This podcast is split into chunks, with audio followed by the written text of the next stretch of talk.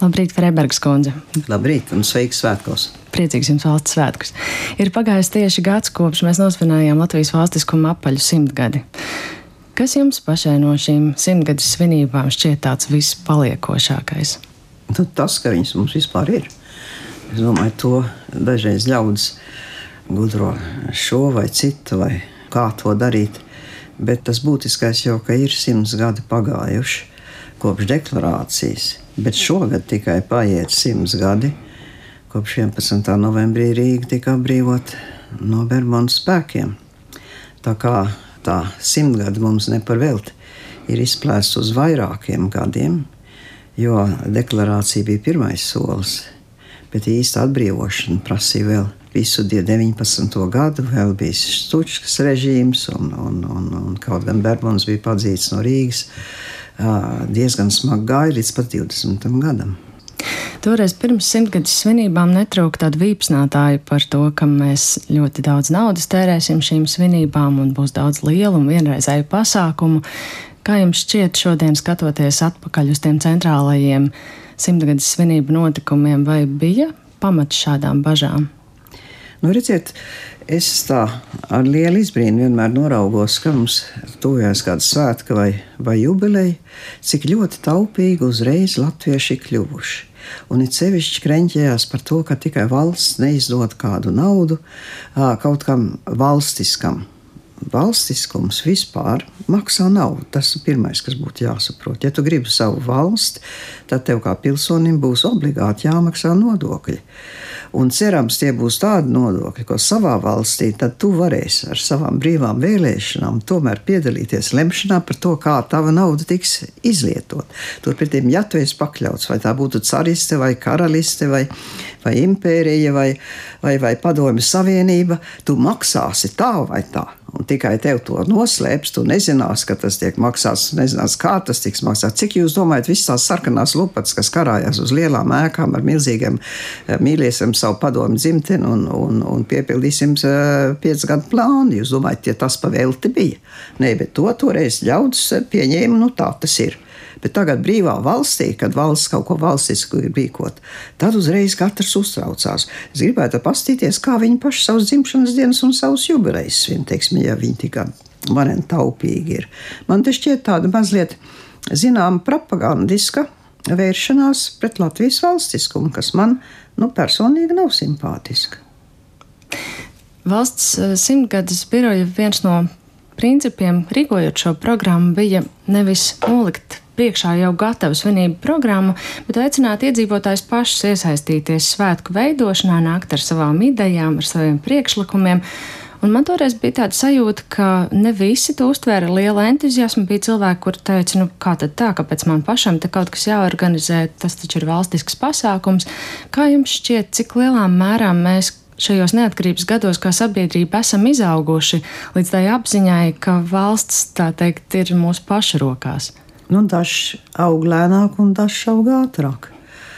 Liela starpība starp tiem, kas piedzimuši kopš uh, mūsu neatkarības atgūšanas. Viņi neko citu nav redzējuši kā demokrātisku sabiedrību. Viņiem prasības ir citādas. Nu, Galvenokārt jāatcerās, ka ļaudis jau nav visvienādi. Es zinu, ka, ka trimdas latviešu sabiedrībās vietējās bija tādi aktīvisti, kas no rīta līdz vakaram to vien darīja, kā rūpējās par latviešu lietām un, kā sakot, savu maizes darbu. Jā, izdarīja, protams, kā latvieši ļoti apzinīgi un kārtīgi un tā tālāk, bet, bet viņa sirds un domas piederēja dažādām latviešu lietām, draudzēm, biedrībām, deju kopām, kas nebūtu katram bija tas, tā sirdslieta, kur viņš piedalījās, jeb kur viņš organizēja. Ļaudis ir ekstraverti un ļaudis ir introverti. Ekstravertiem patīk izvērsties un piedalīties, un, un varbūt arī pašiem izgudrot jaunus veidus, kā svinēt. Bet ļoti daudz ļaudis ir tādu pa vidu. Ne, ne īpaši introverti, ka viņi tikai mājās grib sēdēt, ne arī tādi, kas izgudros kādu, kādu jaunu veidu, kā svinēt, bet kas priecīgi piebiedrosies, ja kāds vairāk māksliniecisko izdomu viņam kaut ko liks priekšā. Es domāju, tas ir pilnīgi normāli. Mīļie klausītājs atgādina, ka Latvijas radio rīta programmas viesa ir bijusi valsts prezidenta Vērvīķa Freiberga, un es gribēju izmantot šo interviju arī, lai parunātu par pašapziņu. Daudziem joprojām ir ļoti spilgta atmiņā jūsu runa Rīgai 800 dziesmu svētku noslēgumā 2001. gadā Meža parkā. Jūs toreiz aicinājāt visus kopā teikt, mēs esam stipra tauta, mēs esam diženi, mēs esam raženi, mēs esam skaisti. Un es atceros, ka es toreiz stāvēju jums aiz muguras kopkorī. Man bija 16 gadu, un es gandrīz vai nosarku, ka man tas publiski tagad ir tā jāsaka man likās, nu kā tad es tagad tā lielīšos visiem dzirdot. Un man šķiet, ka arī cilvēki man apkārt ir mazliet samulsuši. Un es domāju, kādēļ ir tā, ka tik daudziem no mums joprojām ir grūti adekvāti novērtēt savu varēšanu un galvenais publiski no tās nekautrēties. Te ir vairāk slāņi. Visenākais ir tāds, ka Eiropā līdz pat būtībā 19. gadsimta beigām un pat vēl 20. gada sākumam bija ļoti strikta iedalīšana sociālos slāņos. Palasiet 19. gadsimta Baltvācu presi, kāda mūsu arhīvos ir dabūnama, tur tiešām parādās šī milzīgā nicināšana pret zemniekiem, un, un šie pareģojumi, ka latvieši būdami zemniekam nekad savu valsts nav bijusi, kaut gan bija dažādas valsts jau kā nekā pirms krustneša iekarošanas, tās bija cilšu valsts, jā, nebija vēl nacionālā valsts. Taču savu valdnieku jau bija tā vai tā. Tā tas nicinājums pret latviešu tautu kā tādu bija kā pret zemāku šķiru. Un tas turpinās savā ziņā daudzos veidos, arī zan, ar protestantismu. Mūžkungs izvēlējās, kas būs baznīcas kungs savā ziņā, ne, tikai konsistorija. Nu, un, uh, protestantisms savā puritāniskā izpausmē, par ko eh, Ingūna Bergmanas filmās jūs man ir tāds atbalsts arī, ir, ka tu esi grēcinieks, tu nekam nederi. Tev ir jāatverās pie baznīcas palīdzības un jā, jāprasa nožēlošana par saviem grēkiem. Tam ir dziļas vēsturiskas saknes, un latviešiem ir palicis. Vienalga kādai eh, konfesijai viņi pieder šis puritāniskais tāds, um, tāda attieksme stāv pie ratiem un nelec citiem acīs, numur viens. Tāpēc, ka tev tu vari dabūt, ja tu pacel savu galvu pa daudz augstu, tev var arī nogriezt kaklu apmēram, kā arī senos laikos vispār bija. Un, un otrs ir, ka Uh, jā, un, un neizrādies un neizliecies, jo neaizmirsti, kam tu piederi. Tu tā tad nepiederi pie kungu kārtas, tu piederi pie kalpu kārtas. Uh, un tev nepiediena tev nepiedien būt par sevi lepnam, kaut gan tad tiem tos visus vajadzētu sūtīt, pašķirstīt Latviju dainas. Jo redziet, tas apbrīnojams ir, kas ir, ka latvieši, kas uz laukiem dzīvoja savā vidē, viņiem bija visi senie tikumi, ja, un, un meita un puisis lepājās par savu tikumu, to, ko viņa māca, zina un var, un par savu skaistumu, un par savu skaistu balsu, un par savu rotu, un par savu tēpu. Un man šķiet, ka te ir mazliet, kad nāca latvieši uz pilsētām un e, vēlējās iesprāgties vidusšķirā kur vācieši, baltvācieši nu, ar nagiem un ragiem e, turējās pretī, lai, lai viņus ģildēs negribēja laist un tam līdzīgi. Un tā vēlēšanās, tā vēlēšanās kaut kā tikt uz augšu, bet, bet darīt to klusām, klusītiņām uz pirkstu galiem, lai, lai gadījumā nemā, kāds nepamana un, un nenopļauj tevi tavā ceļā. Tas ir tāds bailes par to, ja es pārāk sevi izrādīšos, tā kāds man nopļaus. Un tas ir dziļi tā, mums ieaudzināts līdz kaulam. Un es, es to varu stāstīt no savas personīgās pieredzes, ka es 11 gadu vecumā nonācu Franču sabiedrībā. Un ka man Citas meitenes teica, nu, ko tu sevi noniecini? Kāpēc tu saki par sevi sliktu? Tāpēc, kad man bija tāds palikusi iespējas no pieaugušiem, ka nav smalki saprotiet sevi slavēt, ka tas nav piedienīgi. Un man pat tik tālu bija, kad es kad, uh, sniedzu priekšā savu, savu doktorantūras eksperimentu schēmu, kas mums visiem semināros bija jāpārunā ka es ne tikai prezentēju to schēmu, to domu, kas viņai ir jāpaveic, bet arī jau baidīdamas, ka ko nu tur citi kritizēs, pati jau sāku kritizēt, kur eventuāli varētu būt kaut kādi vājie punkti, teiksim, vai varēs secināt. Un man profesori gandrīz sirds tiek dabūja, ka viņš to noklausīs un teica, tev ir jāstāst to, ko tu māki darīt, ko tu gribi darīt un ko tu gribi paveikt. Tad tie, tie kritiķi nāks vēlāk. Ja? Bet latviešiem ir šī tā, ka es, es jau iepriekš pats sevi nokritizēšu, un tad varbūt kāds cits man nekritizēs. Un tas ir, mīļie radi, tas ir ļoti, ļoti psiholoģiski neveselīgi. Mēs esam tajā ziņā, man šķiet, mazliet ievainoti, un pret to jācīnās. Un par to ir jācīnās par pašapziņu. Tā bērniem ir no bērnības jāatgādina, ka katrs bērns ir skaists un gudrs savā veidā, jā, un mīļš katrā ziņā, un pieņemts, un, un ka viņam nav jākaunās izņemot, ja viņš kaut ko citiem dara pāri. Es biju pārsteigts secinot, ka kopš tās jūsu runas ir pagājuši tieši 18 gadi. Tad ir izaugusi vesela jauna, vēlēt tiesīgu cilvēku paudze, Kā jums šķiet šodien, raugoties uz jauno paudzi, vai mēs esam kļuvuši pašapziņīgāki un vairāk izjūtam to savu iekšējo spēku? Es teiktu, ka proporcionāli. Atkal ne visi ir vienādi. Ja? Tas ir jāsaprot. Raksturi ir dažādi, ir kautrīgāki, jaunieši un, un, un droši, drošsirdīgāki, un, un, kā jau saka, introverti un ekstraverti. Bet man nav skaitļi, lai to zinātniski apstiprinātu, bet no vienkārši no saviem personīgiem kontaktiem absolūti es, es uzskatu, ka nu, burtiski katru gadu pašapzinīgu ļaužu skaits Latvijā, jeb pašapziņas līmenis, ko cilvēks ir, ir gatavs, no kura nekaunējās un kur viņa izrādīt, viņš tiešām lēnām pieaug. Manās acīs ir sistemātiski izaugsme.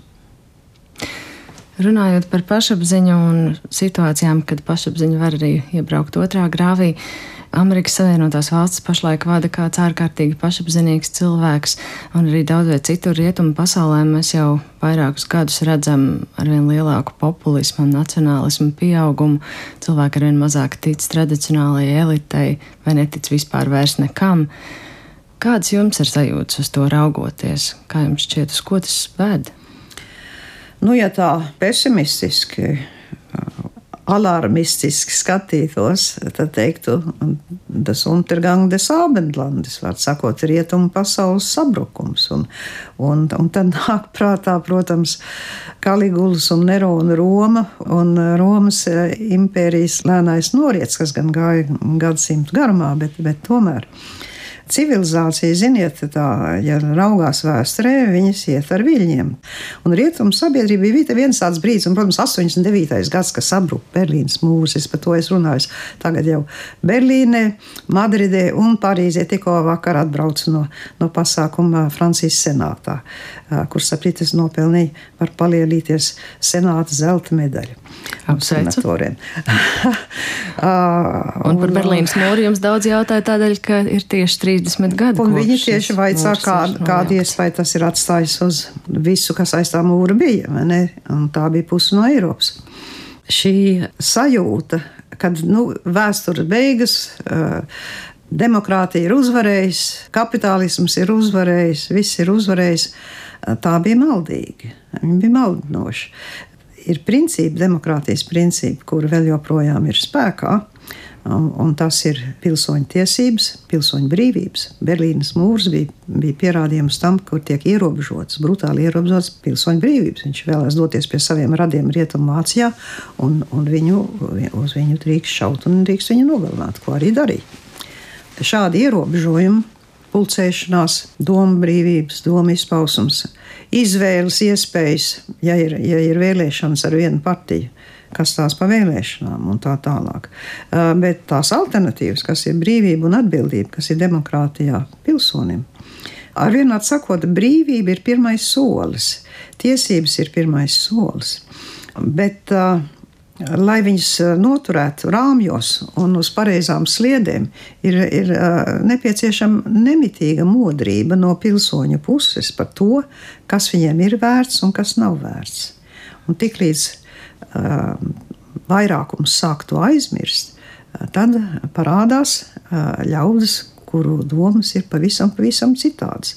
Jo te atkal es atgriežos pie tā jau iepriekš teiktā, mēs esam ļoti dažādi.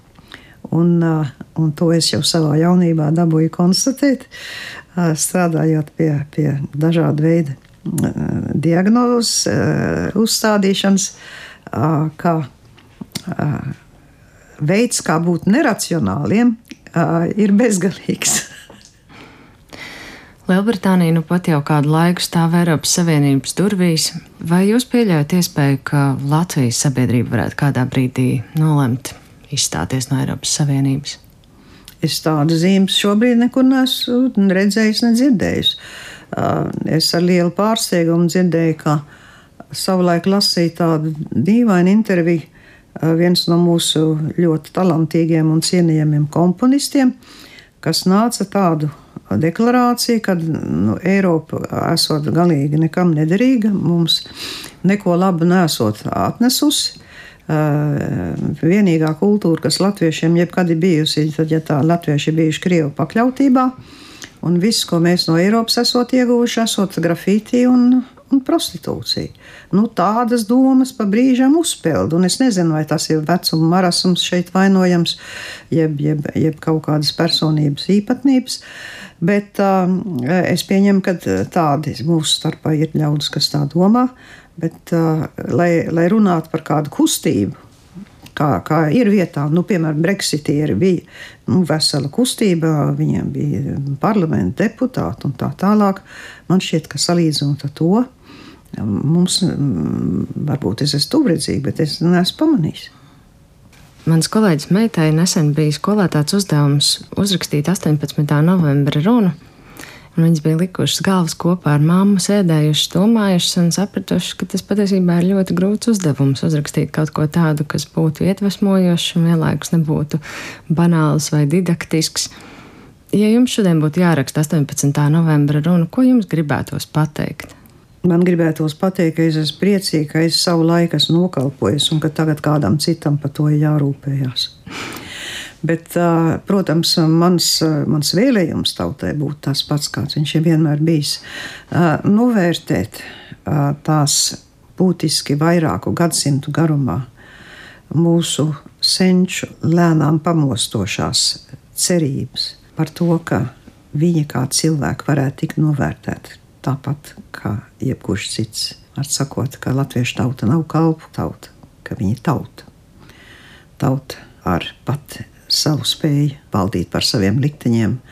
Es domāju par manu vecāku paudzi, kas cīnījās brīvības cīņās, un tās bija ļoti asiņainas un grūtas. Ļoti uzbrukumi mums nāca no, no divām dažādām pusēm, un pašu starpā arī nebija vienprātība. Un es vēlētos atgādināt, ka, lai kādas varētu būt domstarpības, mums jāatcerās, ka valsts mums ir tikai viena. Un pāri visām domstarpībām ir jāatcerās par valsts interesēm un par Latvijas izdzīvošanas interesēm. Bet visvairāk jau, protams, ir jāatcerās, ja nu mums mūsu senči ir izcīnījuši un vēstures notikumi ir bijuši mums labvēlīgi tik tālu, ka mūsu pūliņi ir varējuši vainagoties ar brīvību, tad neaizmirsīsim, ka tā ir dārgā pirkta. Turēsim to svētu un augstu.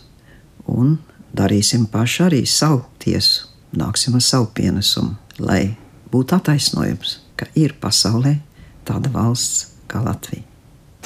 Noslēdzot šo sarunu, es gribēju jums pajautāt pavisam personīgi. Tagad sākas dabā pats tumšākais gada laiks, tumšākie trīs mēneši. Daudziem tas saistās arī ar tādu drūmāku omu. Kas jums šajā laikā visvairāk iepriecina un kā jūs tiekat tam tumšajam laikam pāri?